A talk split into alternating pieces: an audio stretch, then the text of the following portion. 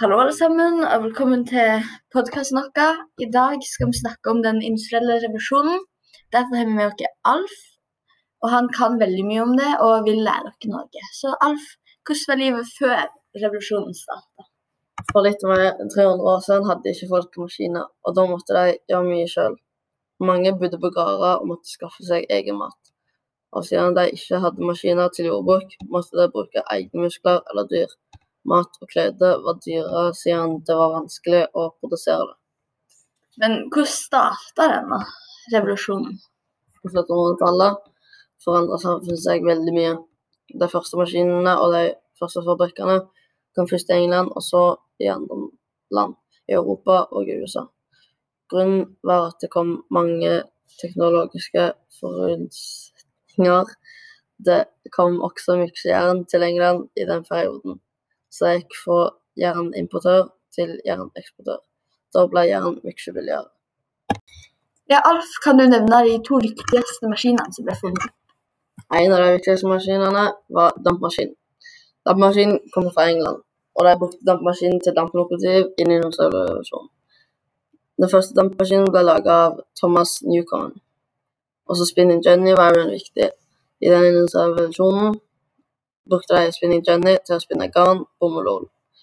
Spinning jenny ble utvikla i den industrielle revolusjonen. Maskinen ble drevet av håndkraft. Ja, hvordan bodde folk?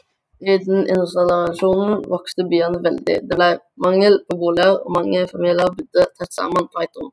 Det var mange som ikke hadde nok penger til å varme opp boligene om vinteren. Det var vanskelig å skaffe mat om du ikke hadde noe god jobb. Vannet måtte du hente ute, og det var ikke helt rent. Men hvorfor vokste byene? Mange folk mistet jobbene sine i jordbruket. De flytta til byer med fabrikker og fikk jobb på fabrikkene. Derfor vokste byene veldig mye. Okay, Hva gjorde arbeiderne når de ikke var fornøyd med pengene de fikk? Mange begynte å streike under revolusjonen. De gadd ikke å komme på jobb, men protesterte. Grunnen til dette var at de mente at de fikk lite penger for jobben de gjorde. Streiker de alene, kunne bare sjefen skaffe en ny arbeidermann. Men gjorde de sammen, pleide de å fungere. Hva var fordelene med revolusjonen? Når det kom maskinere, ble det billigere for mat fordi maskinene gjorde jobben. Flere byer fikk veier, så da ble det lettere å komme seg rundt forbi. Hva var ulempene med revolusjonen? Mange ble syke og hadde ikke nok penger til å varme opp boligene sine på vinteren. Har revolusjonen noe å si på hvordan vi lever i dag? Livet vårt er påvirka av revolusjonen. Hadde det ikke vært for den, hadde vi ikke kommet så langt med teknologien. Vi hadde også fått mange nye maskiner, sånn at det ble lettere å lage klær. Det var alt vi hadde for i dag. og Håper vi snakkes igjen neste gang. Og en stor takk til Alf.